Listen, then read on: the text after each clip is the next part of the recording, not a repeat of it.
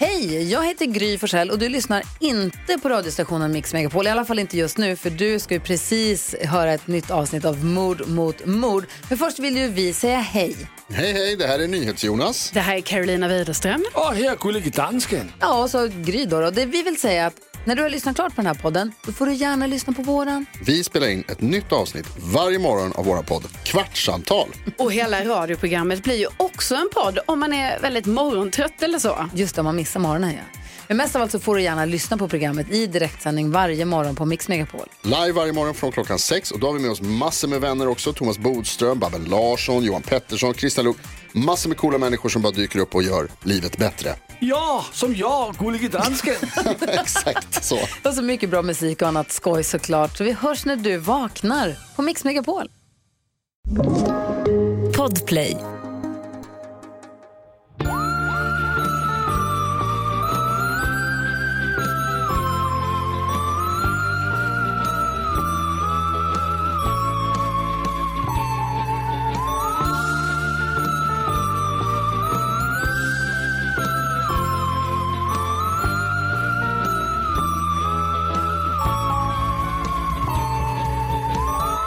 Hej och hjärtligt välkomna till Mord mot mord med Karin Andrea och Anna Sandell.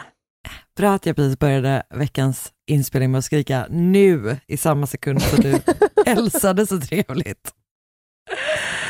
Nu! Nu, nu kör vi! Eh, nu är vi igång. Nu är vi fan igång. Hur mår du? Ännu en vecka startad. Just det, det är måndag idag.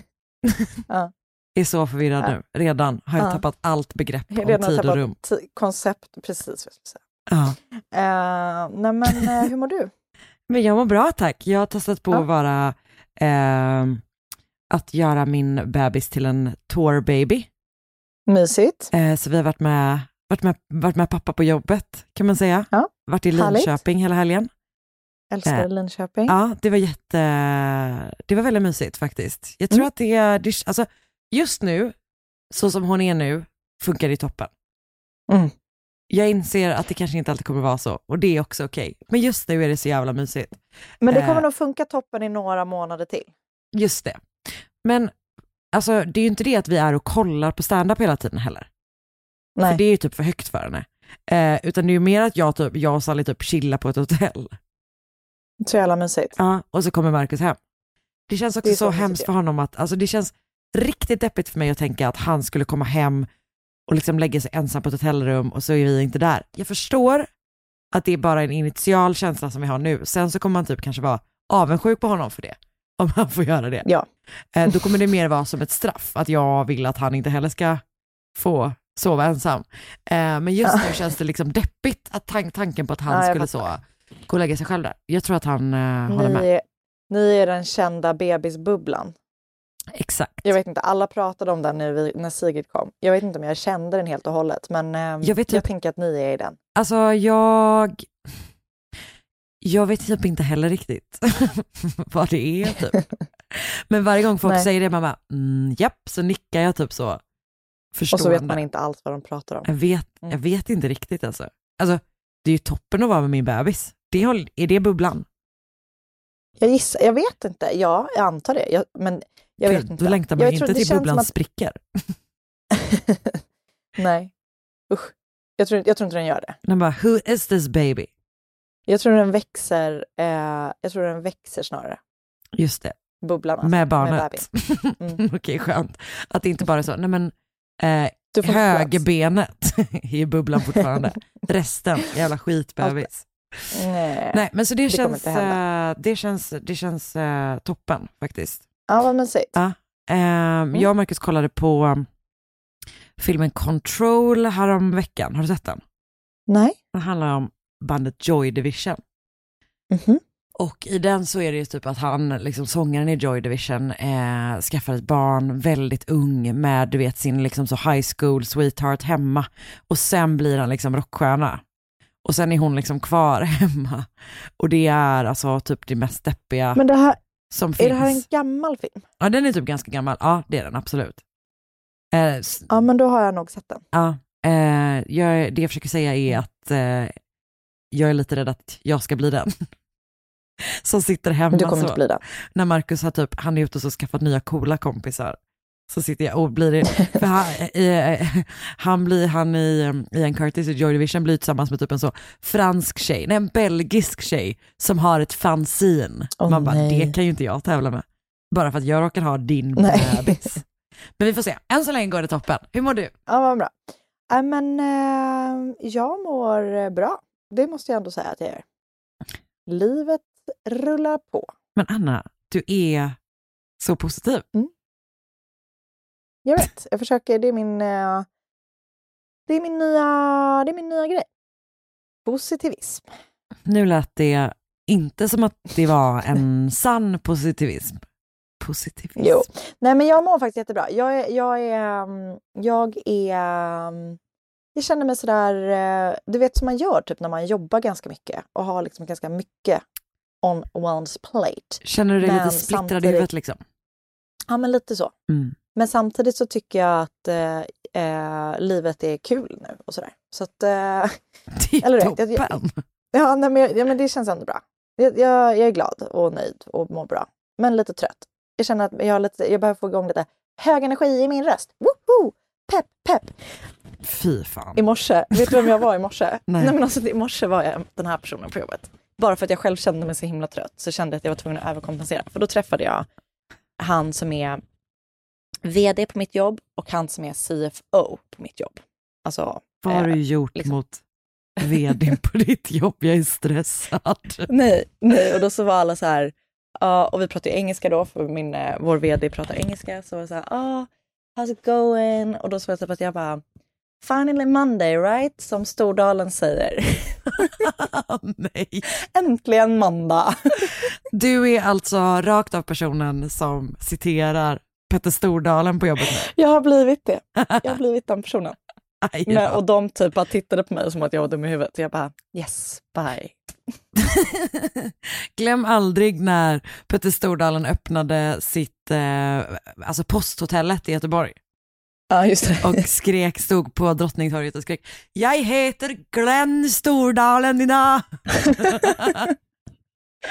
Alltså, man önskar ju att man hade hans energi. Vet du vad, jag önskar inte att du hade det, för då hade du och Nej. jag inte haft den här podden. Äntligen måndag! Fy fan. Jag var lite brunost och gått på fjäll. Jävla toppen-imitationer. Nej, nu kommer alla mina norska kollegor hata mig. Lyssnar de? Jag vet inte, förmodligen inte. Bra. Skönt. Skönt.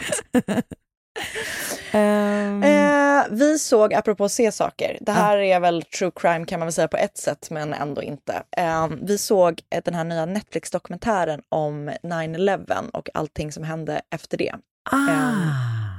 Vändpunkten. Just det, just just det. Hur var den?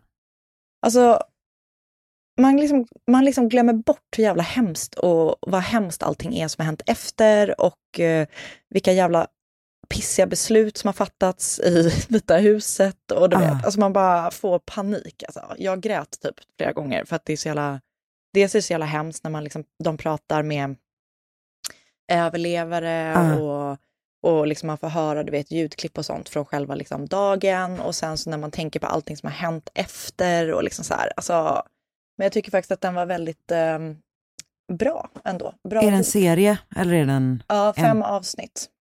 just det.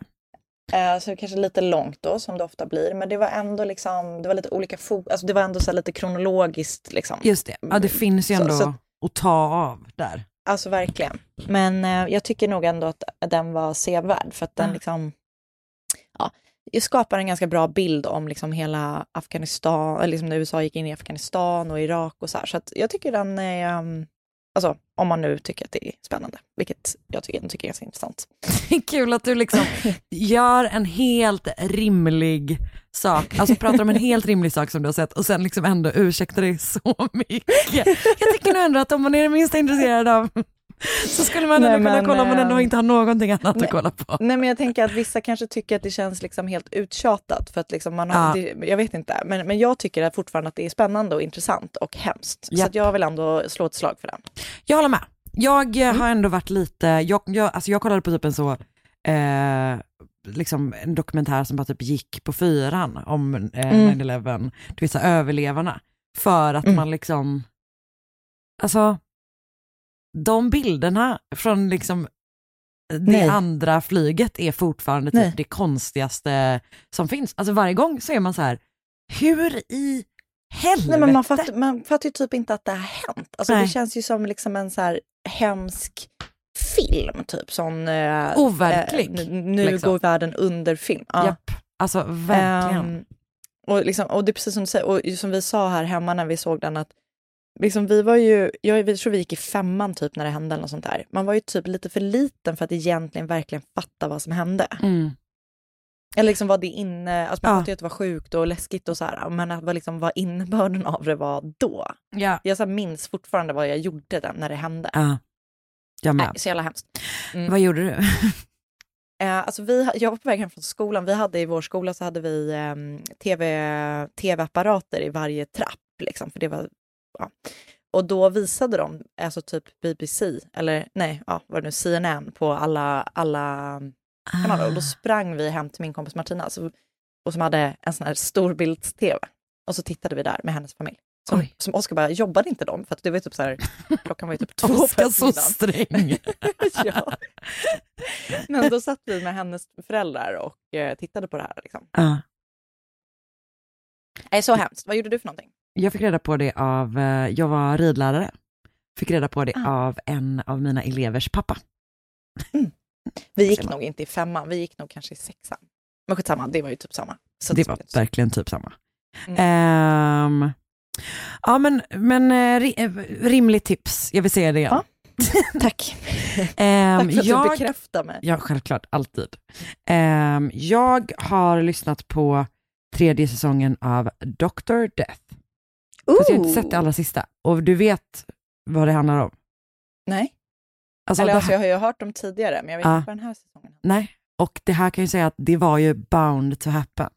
För det är Okej. då Macchiarini. Ah! Och det som är spännande med det är att den berättas från två håll. Det Ooh. ena är alltså typ en tjej som så här, alltså ja, men en kvinna som jag skulle säga blir verkligen så, vad fan heter han, Dirty John person, alltså du Okej. vet den grejen med Macchiarini. Mm. Eh, jag ska inte berätta för mycket, men det är liksom en, eh, en, liksom en, hon berättar sin historia som är en kärlekshistoria med honom. Och hur hon Aha. börjar fatta att det är weird grejer som händer typ. Och du vet, det rullas upp.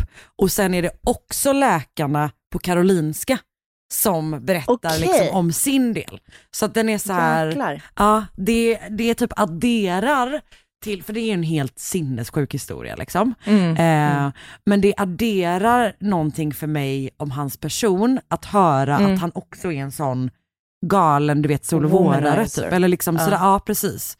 Eh, och hon är, hon är typ undersökande journalist som träffar honom när hon gör en dokumentär om honom. Och du vet hur Shit. hon ändå blir lurad liksom. Fastän så här, vad allt i hennes jobb borde ha gjort att hon inte, ja du fattar. Mm. Eh, Mm, mm. Så att jag, eh, jag har lyssnat på fem avsnitt, jag tror det är sex stycken, och det är eh, jätte, jättebra. Liksom. Ja, vad nice. Så den kan Bra man tips. lyssna på. Jag saknar eh, att vara föräldraledig och promenera typ fyra timmar om dagen. För att nu eh, gör jag inte det. Och då betyder det att jag minimerar mitt lyssningsfönster mycket. Ja. Alltså jag känner än så länge typ att, för jag har ju liksom så här, jag har ju bilden va, av att man går fyra timmar om dagen eftersom jag, Mm. du är den jag känner som har varit föräldraledig typ. Jävlar vad jag inte gör det än. nej, nej, men eh, Sally är så liten fortfarande. Jag kanske, alltså allting tar så jävla tid för mig. Ja, Så nej, men alltså, hon är ju så liten. Just det, hon kan inte gå än. Nej, precis. Alltså, Sigrid fick ju verkligen, alltså, vi var ju bara, Hon vi fick ju kämpa bara på. Liksom 100 meter på fyra timmar. Men jävlar vad du lärde henne gå bra. verkligen. Nu är hon så Vilka stabil. benmuskler. Ehm, har du något mer tips? Um, alltså, jag kan ju säga att... ehm, Nej, det var inte ett tips. Jag har börjat lyssna på Sagan om ringen. Jag har aldrig.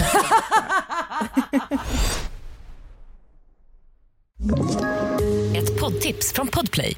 I podden Något Kaiko garanterar östgötarna Brutti och jag, Davva, dig en stor dos skratt. Där följer jag pladask för köttätandet igen. Man är lite som en jävla vampyr. Man har fått lite blodsmak och då måste man ha mer. Udda spaningar, fängslande anekdoter och en och annan arg rant.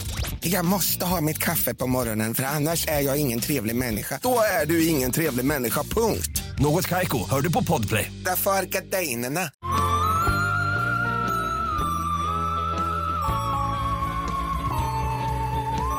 Okej, den här veckan är det jag som börjar. Ja. Bara så du vet, när jag nu börjar prata. Så vet du varför. Då vet jag, då vet jag vad det är som gäller. Okej, då börjar jag så här. Eh, Sheila von Weiss eh, föddes 1952 i Minneapolis men växte upp i, alltså säger man Gross Point tror du? Det stavas liksom som gråse på tyskan om du fattar vad jag menar, fast inte med tysk Mm. Då. Eh, hur som helst. Ja, Jag, jag skulle säga så. Det låter så himla ja, äckligt bara, men okej. Gross Jo. Point, Michigan. Och hon pluggar political science på Simmons College i Boston och får liksom snabbt igång en typ bra karriär som börjar med att hon jobbar för Ted Kennedy. Eh, och sen verkar det som att hon är och jobbar lite grann för Jackie Kennedy kanske också. Mhm. Oklart. Men det verkar som det i alla fall. Och sen så eh, tar hon en MBA på Washington University och börjar jobba inom förlagsbranschen. Men när hon, typ på 90-talet, träffar sin kommande man så behöver hon egentligen inte jobba längre för han är super, super framgångsrik och har tjänat väldigt bra med pengar. Och eh, han heter då James L. Mack och är musiker och typ kompositör och producent. Och framför allt så jobbar han typ med jazzmusiker. Men han är också inne och så här, alltså han typ skriver för typ alla stora skivbolag och han eh, jobbar med flera olika så här, jättestora symfoniorkestrar. Det verkar som att han är liksom bara liksom ett så musikaliskt geni som är eh, bekväm inom typ de flesta genrer typ. Mm, coolt. Det, det var någon som också sa så här, han kunde jobba med vad som helst, förutom rap och hiphop. Absolut. Han jobbar med musik liksom och Mm. är väldigt, väldigt framgångsrik. Han är också professor i musik på ett, ett liksom college i Chicago och undervisar också. För, och det verkar som att så här, det är någonting han bara gör för att han vill. Han behöver inte det egentligen. Typ. Nej. Innan James, som är, han är typ 20 år äldre än Sheila, så innan de träffas så har han varit gift två gånger innan. Han hade fem barn, fyra döttrar och en son från de här tidigare äktenskapen. Mm. Så Sheila blir hans tredje fru, men också hans sista. Och de bosatte sig då i ett eh, liksom stort hus som är värt en och en halv miljon eh, dollar i Chicago-förorten Oak Park. En och en halv miljon Mhm. svenska inte, Nej, utan lite dyrare. Och det här är också då på 90-talet, så att Mm. mer pengar. lite mer. Han, de lever liksom så här ett typ härligt kulturellt liv tillsammans verkar det som. Sheila, hon jobbar lite grann, hon verkar ha lite så olika ak- akademiska uppdrag typ, men hon jobbar inte jättemycket. Däremot så typ arrangerar hon olika konserter i deras trädgård och är kanske lite så Trevligt. engagerad i, du vet någon organisation. Hembygdsföreningen. Ja, ja, fast liksom om du tänker dig lite mer socialite än hembygdsföreningen. Okej då. Ja, alltså så lite så upscale eh, kulturliv. Verkar Jag de leva. fattar. Och 1995 så får de sitt enda gemensamma barn som är en flicka som de döper till Heather. Och Heather är liksom väldigt nära sin pappa. Hon är en riktig daddy's girl och det tar förstås väldigt hårt på både henne och på Sheila när eh, James diagnostiseras med cancer. Hon är typ i tioårsåldern då tror jag. Och de har som familj rest väldigt mycket, alltså gjort så här, du vet, stora, väldigt påkostade resor liksom. Och James bestämmer då att så här, han vill fortsätta göra det trots sin sjukdom. Vad fick han för cancer då? Oh, det var en bra det vet fråga. jag inte. Mm. Eh, jag vet faktiskt inte riktigt. Nej. Och det som dödar honom är, alltså han dör när de är i Aten på ett hotellrum Mhm. där för att han får en blodpropp i ena lungan. Usch. Så att han verkar liksom ändå dö ganska så plötsligt typ fastän han då Mm. har den här cancerdiagnosen liksom. Mm. Och det händer då 2006, i augusti 2006 när Heather är 11 år. Var sorgligt. Ja jag vet, det är jättesorgligt och det tar liksom super super hårt på henne såklart och även på Sheila och som jag förstår det, eller om jag förstått det rätt, så är det så att han lämnar i princip hela sin förmögenhet till Heather. Mhm. Trots då att han har fem andra barn. Mhm. Ehm, så att det verkar som att de typ inte får någonting, utan Heather ska typ få allting. Och det är åtminstone över typ en miljon liksom. Mm. Så det är så här, ändå en rejäl summa pengar som hon ska få när hon har fyllt 21 då, så det är ganska lång tid kvar. Mm. Ehm, så innan dess är Sheila ansvarig för de här pengarna typ. Och Heather är en liksom väldigt, hon är väldigt duktig dansare eh, hon eh, liksom uppfattas som en person som då har väldigt så, stort kulturellt kapital och är då eh, väldigt berest typ. Så att hon är nog lite så imponerande för typ hennes klasskamrater typ. Men under Mm. hennes tonår så hamnar hon, som du brukar säga, på glid. Jajamän. Jajamän. Eller jag menar, Ah. jag menar inte så. Mm. Men du, du höll med om uttrycket. Ja, exakt. Ja, då blir liksom hennes relation med sin mamma bara sämre och sämre. Jag tycker att det låter ganska mycket som att hon, hon hade kunnat bli ett sånt Dr. Phil-case, om du förstår vad jag menar. Mm. Alltså hon är liksom den typen av superbråkig tonåring, känns det som. Mm, Lite fattar. sån cash me outside, how about that tjejen. Lite så. Ja. För Heather börjar då festa väldigt mycket. Hon är liksom ute hela nätterna och du vet, eh, hennes mamma vet inte vart hon är. Hon dricker, jag tror att hon börjar typ ta lite droger. Och det hon också gör då är att hon börjar stjäla sin mammas kreditkort typ hela tiden. Mm. Och de har fruktansvärda bråk hemma, hon och Sheila. Och de går från verbala liksom till fysiska. Och fram till 2012 så kommer polisen till Mac-familjens hus i Oak Park 86 gånger. Shit. Och det är, verkar både vara att Sheila ringer dem, men också typ ibland att grannar ringer dem. Och det rör sig om typ anmälningar om vad som då beskrivs som domestic issues, eh, men också typ stöld och att Heather är borta. Liksom. Och det verkar, eller som, som en, enligt vissa källor så är det så att nå, vid något tillfälle när de kommer så har Sheila en bruten arm och liksom måste åka till sjukhuset. Shit. Men ingenting går till domstol eller sådär. Men Heather kommer senare prata om, eller det verkar som att Heather har tillbringat någon tid på typ en, alltså någon slags anstalt eller typ institution sådär. Så att, och jag vet inte om det är att hennes mamma liksom placerar henne där eller om det blir något rättsligt med det. Men hon är i alla fall inte dömd för någonting liksom. Nej. Ehm, och när Heather är senior på Oak Park and River Forest, Oak Park and River Forest High School, heter skolan, så träffar hon Mhm. en kille som har, han har gått på samma skola, men han har gått ut tre år tidigare. Han heter Tommy Schaefer och de träffas på typ någon fest och börjar dejta i början av 2014. Och Tommy Schaefer är också uppvuxen med en ensam mamma, men hans pa- pappa liksom lämnade familjen när Tommy var liten. Så efter det har det varit ganska tufft ekonomiskt för hans mamma. Tommy är väldigt musikintresserad och när de börjar ses så har han börjat rappa under artistnamnet Tommy X. Mhm. Han är liksom en del av ett så ganska stort kompisgäng som har hängt med varandra sen så här, de har gått på middle school tillsammans och de går på high school tillsammans och de hänger ihop sådär. Men när de blir äldre så drar sig liksom Tommy längre ut i det gänget och börjar liksom också leva ett ganska så struligt liv. Eh, det är också att när han och Heather träffas så är han verkligen heartbroken. För ett år tidigare så har hans dåvarande flickvän dött i en bilolycka. Men fy. Och han pratar om det här som att liksom så här, det är hans typ true love, att han aldrig kommer träffa någon som henne igen. Så att han är nog ganska förstörd liksom, ehm, Mm. när, när de börjar ses typ. Och de inleder då en relation som ehm, där de nog liksom sporrar på varandra, eller vad man ska säga, sporrar varandra. De festar väldigt mycket och de festar ganska mycket på Sheilas kreditkort. Mhm. Så att när Heather och Sheila bråkar så stjäl hon sin mammas kreditkort eh, och sen så typ tar hon och Tommy in på olika så femstjärniga hotell i Chicago och sen så inser typ Sheila att de har stulit hennes kreditkort och ofta kan hon ju se var Mm. de är eftersom de betalar med hennes kort och så typ ringer hon polisen, de kommer dit, griper dem och så du vet det här pågår det är liksom ett mönster, Mm. det händer om och om igen typ.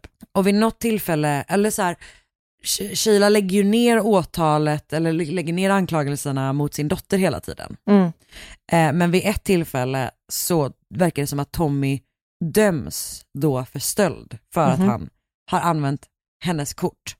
Och det gör ju relationen mellan då dotter och mamma ännu värre. Mm. För att nu är hennes eh, dotterns pojkvän dömd för att, ja du fattar liksom. Mm. Så att det blir bara mer och mer toxic i den här familjen. Och Sheila försöker, de flyttar från Oak Park till typ en lägenhet som ligger inne i Chicago för att hon har någon slags förhoppning om att, om att Heather då ska, alltså du vet fysiskt komma längre bort från Tommy och det ska typ göra att de inte träffas längre. Men det funkar inte liksom. Det funkar ju aldrig. Nej, och Heather är också vuxen när det här händer. Alltså Mm. när de börjar träffas 20, eh, 2014 så är hon typ 18-19 år. Så det gör ju Mm. det hela ännu svårare. Liksom. Och att hon har, de har massa pengar Mm. gör väl det också svårare, tänker jag. Så att sommaren 2014 så bestämmer sig Sheila för att det som hon och Heather, alltså deras relation behöver, är då en resa tillsammans. Mhm. De ska åka på en riktigt god gemensam semester. Så hon bokar in dem på en dyr resa till Bali. Så i slutet av juli så åker de tillsammans till femstjärniga St. Regis Hotel, där de ska bo i typ två veckor. Och På de Bali. Här, på Bali, exakt. Mm, Och mm. de här flyg, alltså bara flygbiljetterna kostar typ 10 000 dollar. Och hotellrummet de bokat, eh, som är rum nummer 317 på St. Regis, kommer liksom kosta typ 14 000. Så det är så här, Mm. det, är en, det är en dyr, en riktigt bjussig resa typ. Och Mm. du vet, de så här, kommer tillbringa dagarna med att så här, ligga vid poolen, de äter dyra middagar, de dricker exotiska drinkar. Alltså verkligen så här paradissemester typ. Mm. Så det enda som är konstigt då är att Heather efter ett tag börjar liksom försvinna flera timmar varje dag. Mhm. Hon är så här, hon bara, men jag tar en promenad typ, men hon börjar försvinna kvällstid också. Och det tycker Sheila att så här, hon tycker att det är lite konstigt, men hon tänker Det är lurt. men antagligen så är det bara så att hon har typ träffat andra jämnåriga på hotellet och typ är kanske ute och festar med dem. Mm. Eller du vet, hon äter middag med dem. Hon vill typ inte lägga sig i för mycket heller kanske. Så att till slut då så är det, alltså har det gått så långt att inte ens Sheila kan typ ignorera det längre. För den 11 augusti så försvinner Heather framåt kvällen och när klockan är tre på morgonen då känner Sheila att så här, nu måste jag kolla vad, eller jag måste ändå undersöka vad det är som har hänt, för nu är hon borta så, så länge liksom. Och det här känns typ inte bra. Så hon går till receptionen och frågar, så här, har ni sett min dotter? I receptionen svarar de att hon är i det andra rummet som du har bokat. Nej. Och Sheila bara, vad menar ni typ? De bara, men du har ju betalat för två rum. Eh, det andra rummet där, där Mr. Schaefer bor, Nej. där är hon. Då har alltså Heather och Tommy stulit hennes kreditkort och inte bara då bokat ett rum på samma hotell till Tommy, utan de har också Alltså- betalat hans flygresa med samma kort.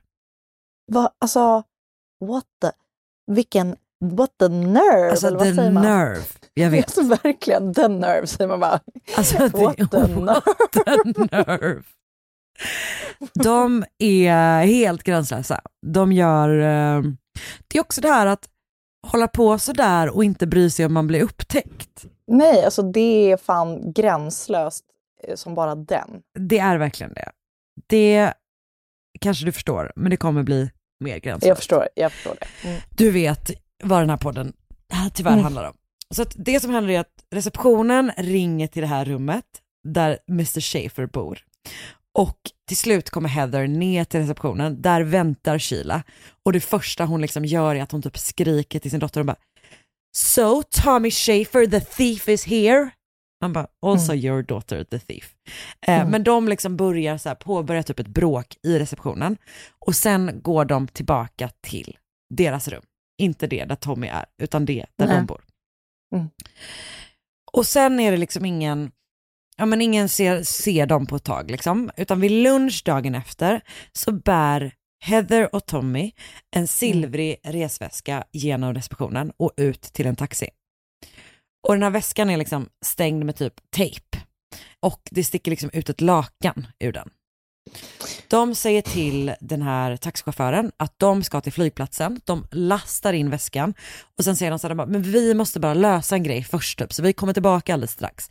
Vänta här. Eh, och sen går de tillbaka in i hotellet. Men de kommer inte tillbaka. Tiden går och till slut så är liksom den här chauffören riktigt trött på att vänta. Så han öppnar bagageluckan för att kolla på det här bagaget. Han misstänker typ att så här, kan det vara droger i väskan? Han tycker det är konstigt. Han öppnar bagageluckan och ser då att alltså det här lakanet är nu liksom fläckat av blod. Mm. Och då bestämmer han sig för att köra till polisen.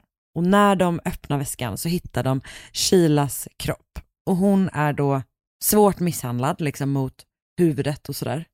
Eh, men dessutom så har hennes kropp liksom utsatts för väldigt mycket våld efter döden.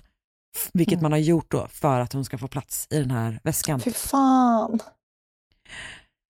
När polisen går in i Sheila och Heathers rum så förstår de att så här, okej, men det här är brottsplatsen, det är här hon har mördats. Där hittar de också Heathers pass. Så de vet att så här, okej, hon har inte lämnat landet. Nej. Men man hittar varken Tommy eller Heather någonstans på hotellet. Men ingen har sett dem liksom dra därifrån. Så de börjar liksom kolla övervakningsfilmer och inser då att Tommy och Heather har alltså gått ut bakvägen, typ klättrat över en mur. Och sen så ser man dem typ ta sig ner på en väg och stanna en taxi. Och så att de vet om att okej men de har dragit liksom. De skickar ut en efterlysning, eh, går ut liksom över, över till hotell och sådär. För att de vet om att så här, de måste vara kvar i landet. Och dagen efter får de napp för att Heather och Tommy har checkat in på typ ett budgethotell eh, en bit bort. Användande, alltså de har använt sina egna namn. De har också använt Kilas kreditkort. Men alltså, vad tror de? Nej men de, eh, det måste ju vara så att de inte, antingen De- tror de att de ska kunna ljuga sig ur situationen när de väl grips, Mm. eller så tror de, aj, nej jag vet, de, det, är, det är faktiskt De tänker ju inte. Nej, de tänker ju inte. Nej men de, måste, de är bara helt eh, clueless typ, Mm. på något konstigt sätt. Och när polisen liksom stormar in i deras rum så typ ligger de i sängen bara. Liksom. Och de verkar helt lugna. Sådär. Mm. Så de grips, de tas till polisstationen och där berättar de då följande historia. De berättar att beväpnade gängmedlemmar har tagit sig in på Sheila och Heathers hotellrum Mhm. Okej. och där då misshandlat Sheila till döds. Sen har de tvingat Tommy och Heather att lägga Sheilas kropp i den här väskan och ta den ut till en taxi. Så att de har bara haft tur som har lyckats liksom rymma från de här gängmedlemmarna. Och de har liksom tagit sig in, eller de har tagit in på det här hotellet för att komma undan. Okej. Polisen eh, tror ju inte på det här överhuvudtaget. Nej. och snart kommer de då också ändra sin historia. De säger att Tommy har gått till Sheila och Heathers rum vid halv nio på morgonen för att de tillsammans ska berätta en grej för Sheila. De ska berätta att Heather är gravid. Mhm. Hon är gravid i andra månaden och när de då har berättat det så har Sheila ballat ur. Hon har blivit Mhm. rasande och liksom attackerat Tommy. Hon har kallat honom för n-ordet. Hon har typ skrikit om så här, hur vågar du som är svart och som är fattig typ ligga med, eller liksom göra min dotter gravid typ. Och sen har hon liksom attackerat honom, hon har slagit honom, hon har tagit strypgrepp på honom. Och då har Tommy slagit henne med, alltså det beskrivs som typ ett fruktfat, men som Mhm. har liksom ett handtag som är av, av typ järn eller något sånt. Okej. Det Eh, kanske är någon sån Ja, jag fattar. Men liksom ett fat som är liksom upphöjt, så tänker jag att det är. Mm. Ja, jag tänker Eh, också det. Och hon, han har då börjat slå henne med liksom handtaget på det här fatet. Mm. Och sen har han slagit henne upprepade gånger tills hon liksom dött. Och då har de fått panik, funderat på att ringa polisen såklart. Mm. Eh, men bestämt sig istället för att försöka fly. Och det har de gjort för att de tror att polisen inte kommer tro på Tommys och alltså på att Tommy kan ha slagit henne i självförsvar eftersom han är större och starkare än Sheila. Mhm. Så istället har de då bestämt sig för att hämta Tommys resväska och göra den här jättekonstiga manövern med taxin. Okej. Och för det är ju jättekonstigt gjort liksom. Att de Mm. är så här, de tar med sig, alltså jag antar att de tänker så här, okej men då får vi försprång. Men de hade ju Mm. fått mer försprång om de bara lämnade i rummet. Alltså verkligen. Men Heather säger att hon typ inte klarade av att göra det.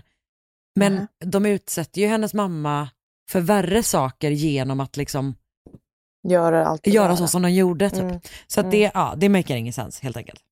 Ehm, men de häktas då båda två. Och 2015 så inleds rättegången mot dem. Men alltså under rättegången, så, den måste liksom pausas för Mm. att Heather då föder deras gemensamma barn. Alltså hon var gravid. Hon var gravid och de får en dotter som de döper till Stella. Och, men självklart då, så som det alltid är i alla de här historierna, så har ju de gjort slut. Mm. För det är, liksom, verkar ju inte vara, det här med att typ mörda tillsammans verkar ju inte få par att hålla ihop. Liksom. Nej. Så båda två står liksom inför, de kan få dödsstraff. Och i Mhm. sådana fall så är det dödsstraff med arkebusering. Men de kommer inte dömas till döden utan istället så döms Tommy till 19 års fängelse och Heather till 10. Och Mm. man tror att de kanske får mildare... Och de står fast vid den här storyn båda två. Liksom Ja. fortsatt. Mm. Exakt, att det är det här som har hänt liksom. Eh, Mm. Och att det är en så, att det inte är överlagt helt enkelt, utan det är så spur of Nej. the moment grej liksom.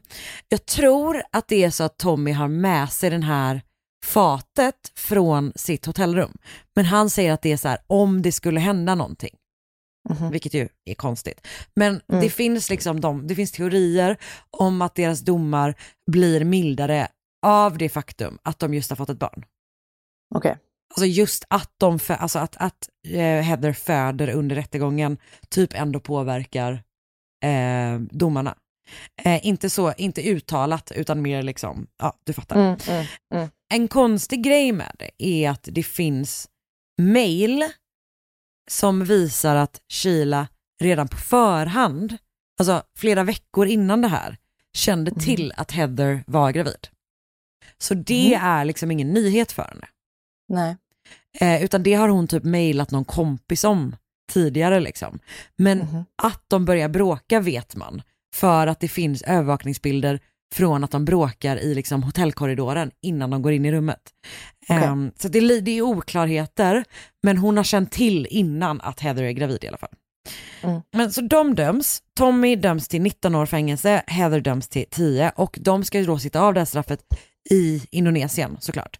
Mm. Ehm, året efter så åtalas ytterligare en person för inblandning i det här mordet. Och han Mhm. åtalas i USA. Mhm. Det är Tommys kusin, Robert Bibbs. Och Jaså? han anklagas, jag vet inte om det är anstiftan till mord eller medhjälp till mord, lite oklart. Men Mm. han ställs då inför rätta i USA, för där har FBI fått tillgång till sms och chattmeddelanden mellan Robert, Heather och Tommy. Okej. Där de tillsammans diskuterar mordet på Sheila flera veckor innan det faktiskt sker. Mhm.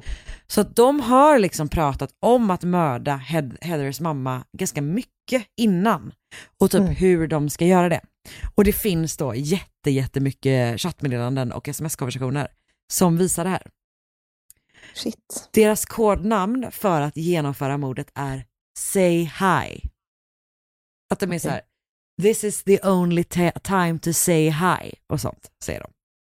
De gör också en sak som typ alla töntiga jävla idiotmördarpar gör. Mm. De kallar sig själva för Bonnie and Clyde. Nej. Och du vet, det finns liksom sms-konversationer mellan dem från, alltså du vet, den tiden då mordet sker, eller precis innan det sker. Liksom. Mm. Och de håller på jättemycket. Vänta, jag ska se. Att ett, eh, Tommy skriver till Heather typ, I promise you Heather, all you have to do is get her weak. I'll be standing by the door, coming now. Och sen säger han, relax, you're Bonnie, do it. Alltså. Uh... Ja. Det finns liksom sms från, det verkar som att han typ är inne i deras hotellrum och väntar på ett tillfälle att attackera henne. Fy. Och motivet är då pengar. Alltså att Heather ska få tillgång till hela Shilas och då också sin egen förmögenhet Mm. ehm, om hon dör. Liksom. Mm. Det känns ju typ extra dumt med tanke på att hon är 19 när det här sker och hon kommer få tillgång till sin två år kvar. två år Mm. senare. Åh, man blir så arg alltså. Japp. Och Robert Bibbs då, som är den här personen, alltså han är, han ger dem typ tips på hur de skulle kunna mörda henne och komma undan med det. Mm. Det finns också sms där han typ smsar så här, sin tjej och säger så här, du vet snart kommer vi ha massa pengar och sådär. Eh, alltså, så han döms till nio års fängelse för Mm. sin inblandning i det här mordet. Och som sagt, han får då sitta i USA liksom. shit. De sitter, Heather och eh, Tommy sitter i Karobokan-fängelset på Bali. Och där får de intagna ha mobiltelefoner. Okej. Och det gör att Heather har sociala medier. Där hon Men är gud. ganska aktiv. Och typ lägger upp lite olika så, selfies och typ snyggbilder. Liksom. 2018 så filmar hon sig själv och lägger ut på YouTube. När hon säger så här, hon bara, nu vill jag come clean, typ. jag vill säga vad som verkligen hände, jag vill vara ärlig. Det som hände är att min mamma dödade min pappa. Va? Och jag fick reda på det två veckor innan eh, vi åkte till Bali. Och jag ville döda henne. Alltså jag bestämde mig, vet, hon säger typ så här, with all my body, with blood the flow, flowing in my veins, Mm. with all the oxygen typ. Alltså jag ville då hämnas min pappas död. Och det var Mm. därför jag också ville göra det på ett hotell. För, för att han också dog på ett hotell. Typ. Shit. Hon säger att hon har tagit Tommys telefon och liksom skrivit de här smsen dem emellan och sen tagit bort de konversationerna så att han inte vet om att de finns. Hon säger att han är helt oskyldig, typ. Men sen går det några veckor. Sen tar hon tillbaka alltihop och säger att så här, Okej.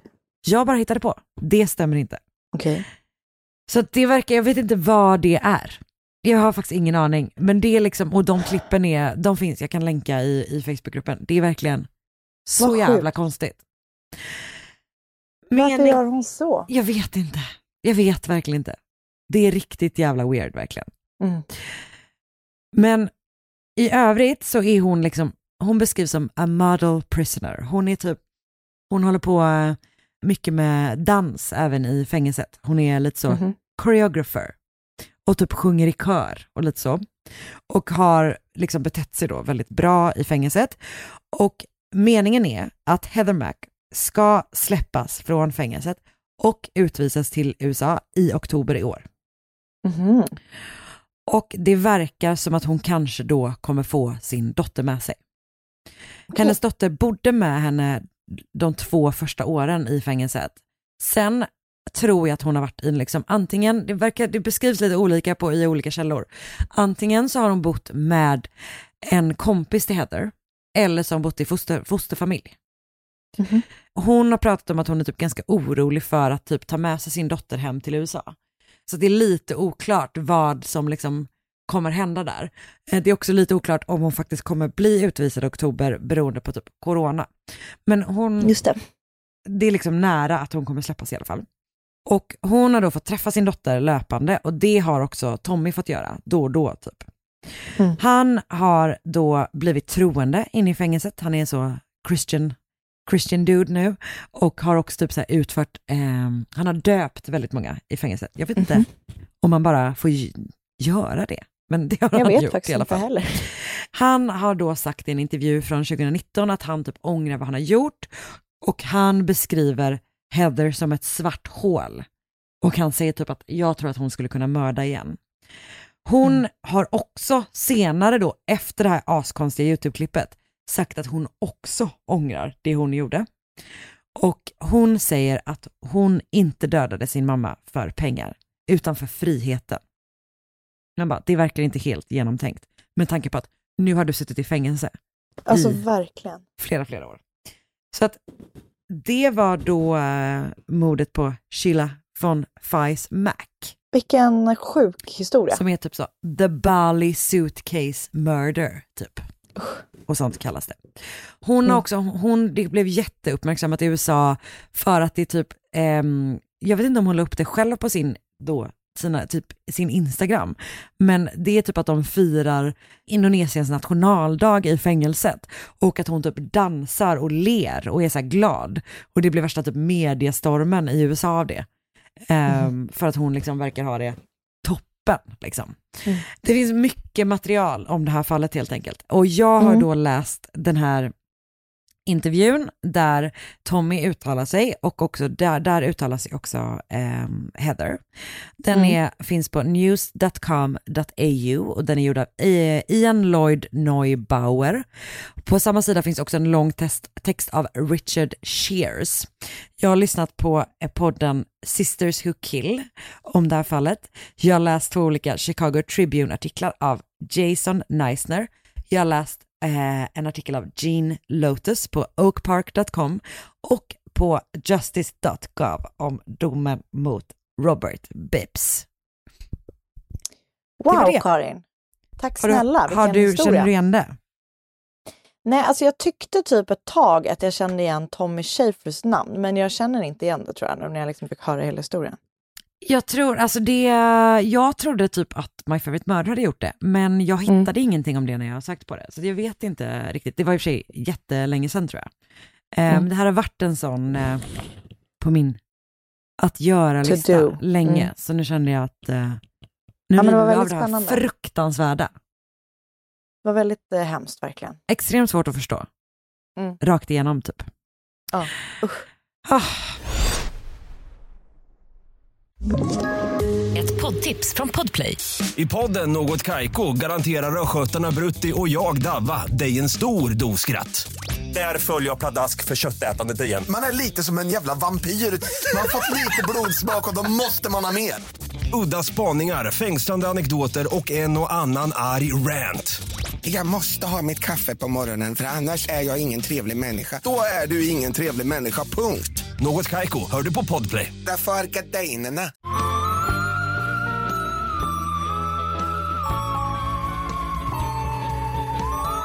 Elmer Crawford föddes någonstans i Kanada 1930.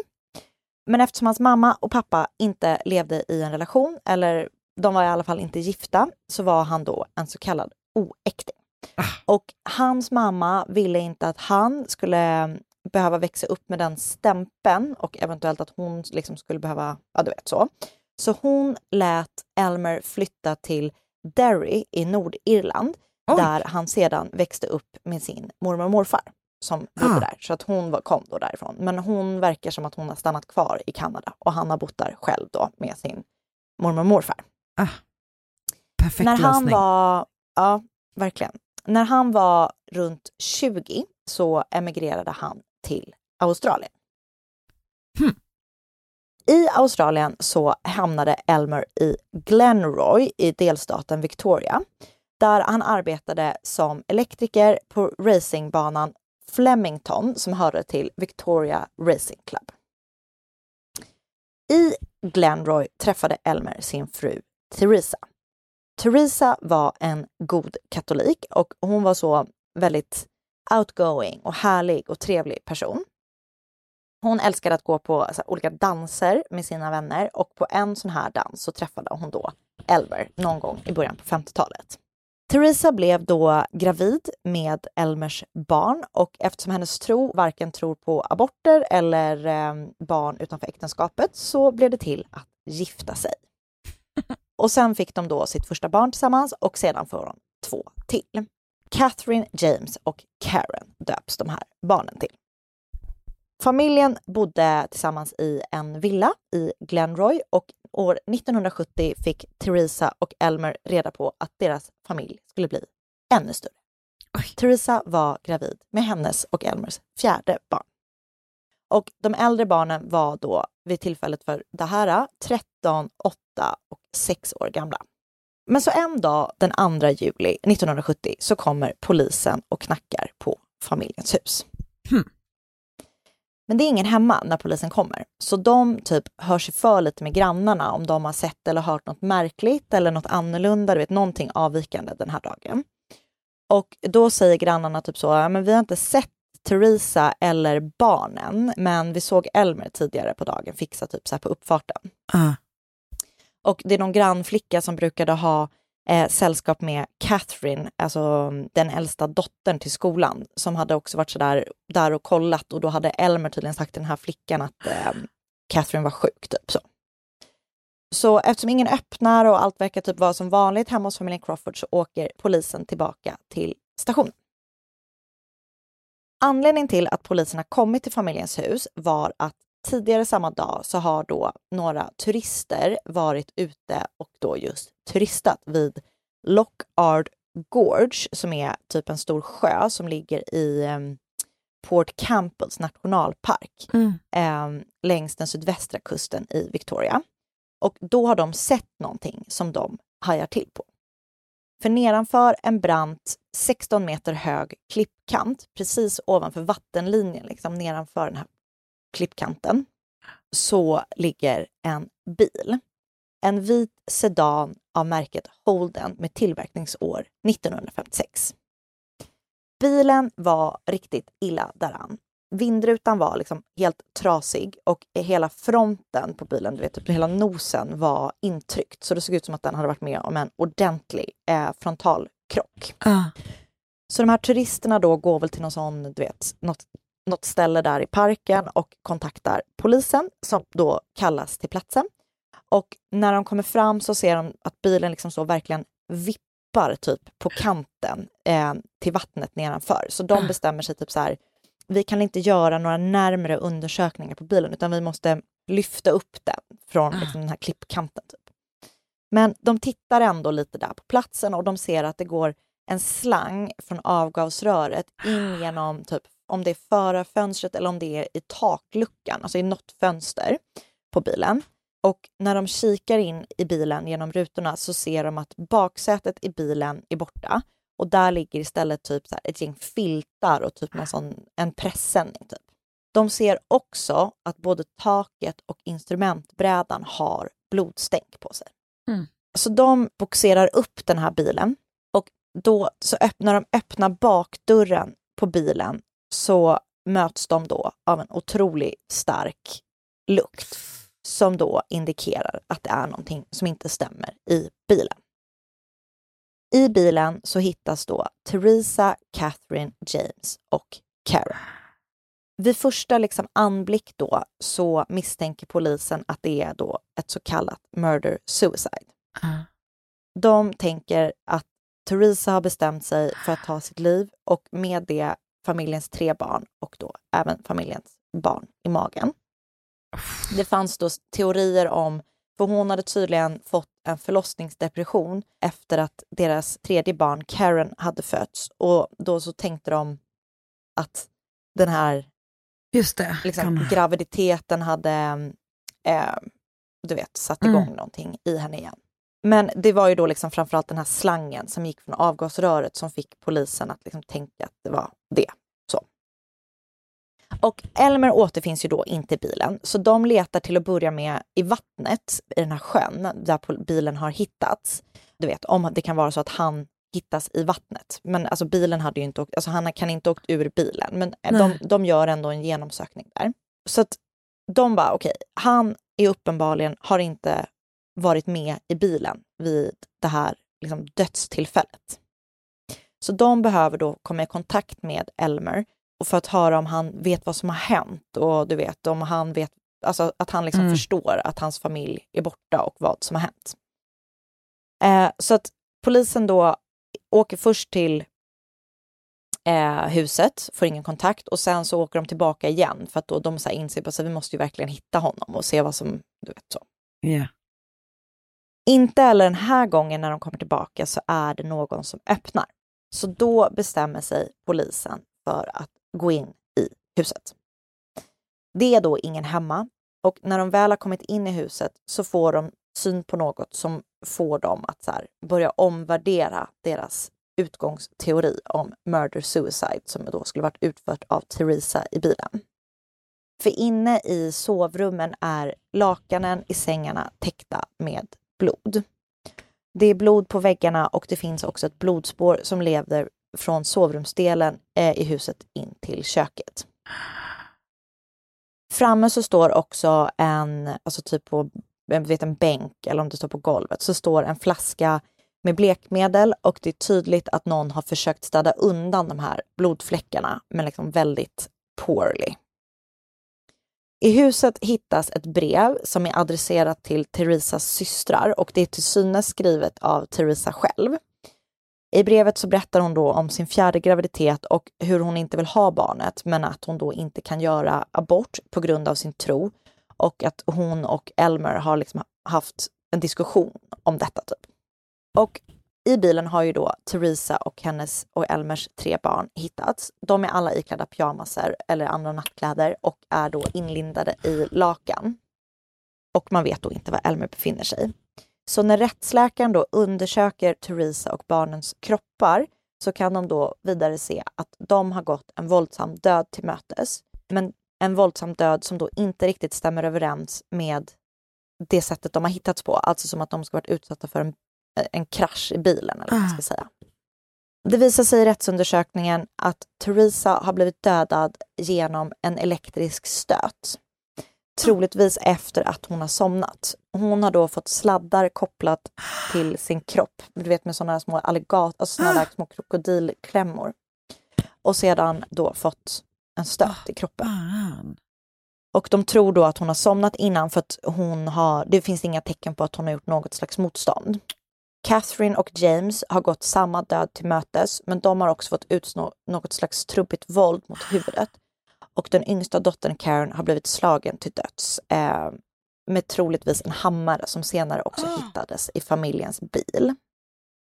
Så polisen blir då genast på liksom high alert för att en hel familj minus pappan har blivit mördad och eh, någon har då fått det att framstå som att mamma Theresa är skyldig. Så de bara utgår från att så här, det är någonting fishy med Elmer Crawford, pappa. Mm.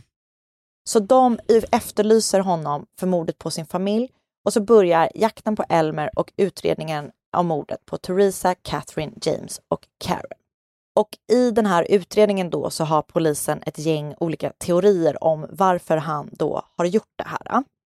Och dels finns då teorin om att han inte vill ha ett fjärde barn och allt det innebar med, med att köpa större hus och du vet sådana saker. Så att polisen har då teorin om att de har blivit ovänner på grund av detta då och att han då som en följd till det bråket har då mördat hela sin familj. Vad i helvete? Mm. I utredningen så går polisen också igenom familjens ekonomi. Och då kan de se att bara två veckor innan mordet på Theresa så har Elmer och Theresa skrivit livsförsäkringar. Livsförsäkringar som försäkrar att om något skulle hända Theresa så skulle Elmer få en ganska ordentlig summa pengar. Så självklart så formas teorin att han då har tagit ut en sån livförsäkring och sedan dödat henne och familjen så att han då ska kunna bli så att han då blir den enda förmånstagaren till den försäkringen. Det som talar liksom emot det här ändå är att han har själv en ganska god ekonomi. Han har liksom en ganska bra lön och han äger också mark runt omkring där familjen bodde och familjens hus. Så det är Mm. liksom inte givet att han skulle behöva pengarna på det sättet. Och det finns liksom ingenting annat de hittar som indikerar att han skulle behöva pengarna och vara utan sin familj om du förstår vad jag menar. Alltså, Nej. annars kan man ju, du vet så här, han har en annan familj eller du vet sådana saker. Men de hittar ingenting sånt.